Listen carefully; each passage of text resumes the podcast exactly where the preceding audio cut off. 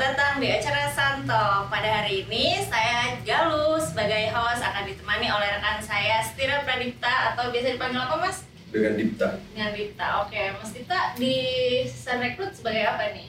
Kalau saya sih bisa rekrut sebagai rekrutmen consultant. Atau kalau di luar sih mungkin orang banyak yang bilang juga headhunter. Oh, udah berapa tahun Mas Dipta di Sun Recruit ini? Kalau di kalau di Sun Recruit saya join di sini tuh tahun 2016. Cuman kalau sebagai headhunternya sendiri dari tahun 2011 sih. Oh, gitu. Jadi udah 11 tahun lah sampai sekarang. Wah, Mungkin diceritain aja kali awal mula kerja profesional sampai jadi headhunter di sini.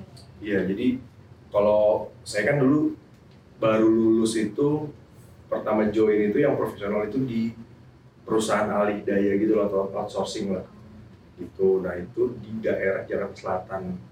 Nah dari sana saya sebagai sourcing staff jadi kerjanya itu dulu eh, mengumpulkan eh, source kan- kandidat ya, bukan kandidat Oh, iya. tapi karena memang pada saat itu kebutuhannya itu untuk anak-anak yang fresh graduate baik itu SMK, D3 atau S1 jadi kerjaan saya dulu tuh lebih banyak ke sekolah-sekolah gitu loh Eh, ngasih apa namanya kayak bukan penyuluhan apa sih namanya kok Eh, kayak pelatihan-pelatihan gitu loh Oh, iya. Eh, ke anak-anak, Pelatihan ah, pelatihan. Oh, iya, iya. simple sih kayak bikin CV terus gimana caranya kalau SMK kan yang, yang perempuan-perempuan tuh gimana caranya beauty class, make up Oh, supaya gitu. nanti ketika dia di invite datang interview di, di company atau perusahaan gitu kan looksnya jadi lebih baik lebih baik lah gitu nah itu kita ngumpulin data-datanya untuk nantinya bisa jadi bank datanya perusahaan uh, outsourcing tersebut gitu. Nah, habis itu dari sana saya diajak sama salah satu atasan saya waktu itu pindah ke perusahaan headhunter rekrutmen konsultan atau headhunter tadi gitu. Namanya itu JO eksekutif gitu. Nah dari sana eh, dari 2011 2016 saya pindah ke Sun Recruit Indonesia Oh, gitu Eh, berarti karena Mas itu kan udah lama nih di Sun Recruit udah jadi senior gitu. Mhm.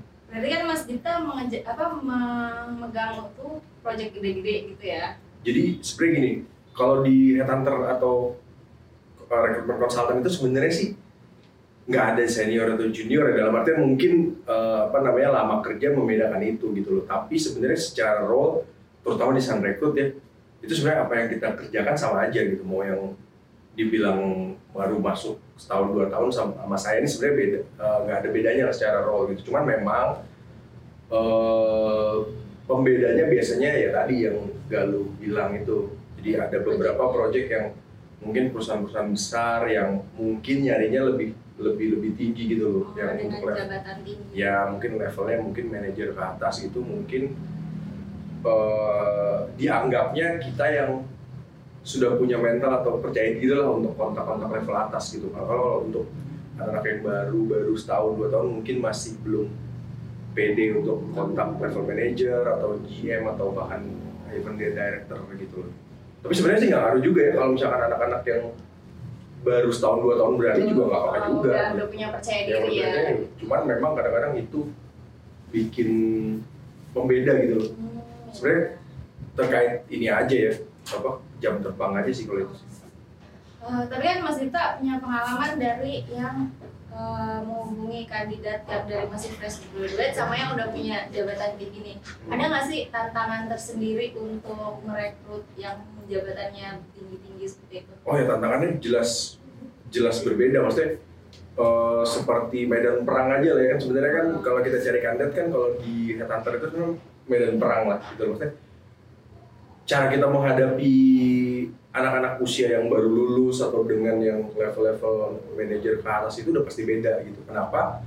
Karena topik pembahasannya juga beda terus experience mereka juga beda. Terkadang sebagai seorang headhunter tuh harus bisa menyeimbangkan juga siapa yang siapa yang jadi lawan bicaranya gitu loh. Nah makanya kalau saya sih eh, kasih tahu rekan-rekan teman-teman yang mungkin di sana ikut ya baru setahun dua tahun itu kalau bisa kalian harus sering banyak-banyak baca lah gitu. Apa pun baca apa pun. Mau itu event itu komik sekalipun gitu. Berita lebih bagus semua semua lah info-info terkait. Karena itu bisa jadi jembatan kita nih untuk ngobrol gitu. Karena kan semua yang kita ya, orang-orang yang kita hadapi itu kan dari berbagai macam ini ya dari berbagai macam level latar belakang baik itu apa namanya pendidikannya seperti apa. Terus kadang-kadang eh, apa namanya kayak ada ini bukan rasis ya mas suku agama gitu. Tapi kadang-kadang kalau kita punya banyak eh, pengetahuan yang yang general gitu loh jadi kadang-kadang bridgingnya untuk masuk tuh enak gitu. Oh, gitu sih. Misalkan se sesimpel misalkan kita lihat eh, apa namanya profil WhatsAppnya gitu. Kita kan bisa tahu misalkan iya, dia iya.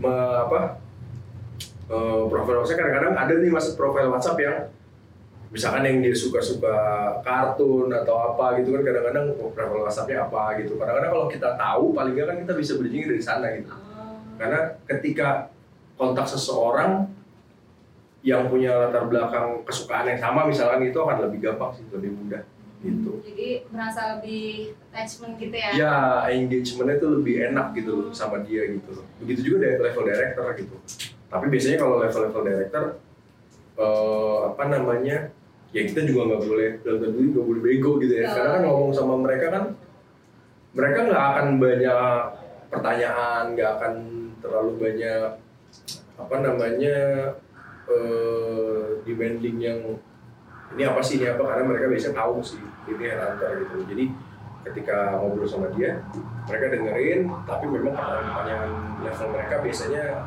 lebih ini lebih lebih sulit. Karena pertanyaannya akan lebih detail gitu. Nah itu yang harus kita persiapin gitu sih. Intinya itu sih. Eh, karena Mas Ito kan jam terbangnya udah tinggi nih. Pernah nggak sih sama kandidat atau klien make friends gitu? oh iya sih. Oh. pernah pernah. Jadi kalau untuk sama kandidat sampai bahkan ada yang beberapa kali tuh yang eh, saya placement dia di tempat lain di tempat lain gitu loh. Dan itu bisa apa jadi teman gitu loh. Jadi eh, sekedar waktu saya nikah gitu dia datang Iya. atau atau sebaliknya gitu. Begitu juga sama klien gitu. Seperti itu jadi kalau temen sih udah pasti karena se- selama 11 tahun terkadang kan ketemunya kliennya dia, dia juga gitu. Kalau misalkan kalau dia pindah pun terkadang pindah perusahaan nih kadang ketika dia sudah di tempat lain dia kontak kita lagi. Ngabarin. kalau misalkan ya kalau misalkan dia butuh butuh apa butuh karyawan gitu. Misalkan dia eh HR manager di mana gitu ketika dia butuh sesuatu walaupun udah pindah dia kontak lagi. Tolong dong bantuin bantuin gue nih gini gini gini gitu. Oh. begitu juga kandidat kadang-kadang eh, dia kita placement di sana. Terus misalkan dia berpindah nih. Karena kan kita nggak boleh misalkan kita naruh bu- bukan naruh ya pasti kita placement orang di di perusahaan A terus kita ambil lagi kita pindahin ke perusahaan B. Enggak biasanya sih mereka ketika sudah pindah misalkan sudah di perusahaan A yang tempat kita placement dulu udah pindah terus dia bilang gue butuh kerjaan lagi nih gitu. Nah itu bisa lah kita jadiin kita referensiin lagi ke tempat lain Eh, Mas Dita ada tips nggak nih buat Saners di sini buat bikin CV yang menarik untuk rekruter? Iya, jadi sebenarnya CV atau resume profile itu sebenarnya simple ya. Kalau buat saya sih sebagai recruiter itu akan sangat senang dan terbantu ketika memang di CV itu tuh sudah bisa menjelaskan atau mendescribe orang tersebut baik itu dari uh, personal backgroundnya, education background atau apa namanya uh, experience dia seperti apa gitu loh. Jadi akan sangat senang untuk rekrutmen ketika memang itu sudah terpenuhi gitu misalkan job jelas terus period periodnya dia di perusahaan ini apa jelas terus posisinya apa jelas begitu juga eh, personal infonya dia gitu mungkin kalau di eh, negara-negara maju lainnya ya, kayak contoh kayak di Amerika atau di di luar sana apa namanya info untuk tempat tanggal lahir itu biasanya sudah mereka sudah tidak tidak cantumkan gitu loh. Tapi kalau di Indonesia sometimes masih perlu untuk diinfokan Masih gitu. sama kliennya gitu. kadang klien masih minta umur dan segala macam Eh, itu mungkin ya plus minus sih kalau misalkan apa namanya nggak mau cantumin umur juga nggak apa-apa. Cuman terkadang ada beberapa beberapa perusahaan yang meminta info itu gitu. Jadi kalau tipsnya sih resumenya simple aja gitu. Cuman di dalamnya itu sudah menggambarkan lah mendescribe dia secara secara informasinya jelas informasinya ya. jelas gitu loh. Dia misalkan posisi dia sales director di perusahaan A terus job description-nya apa? Misalkan A B C D gitu. Atau mungkin ada achievementnya apa? Ya achievementnya misalkan achievement dia itu lebih better sih mungkin kalau misalkan sales atau marketing achievement seseorang itu dicantumin akan lebih mempermudah uh, recruiter sih. Dan begitu juga klien ketika baca CV-nya Oke, Mas Sita, makasih banget buat Ya, tipsnya sama-sama. sama cerita-ceritanya. Saners. semoga bisa Mungkin tipsnya Membantu. bisa dipelajari dari Mas Dita ya. ya. Eh, cukup segitu dulu untuk episode kali ini. Buat Saners, makasih udah dengerin. Bye-bye.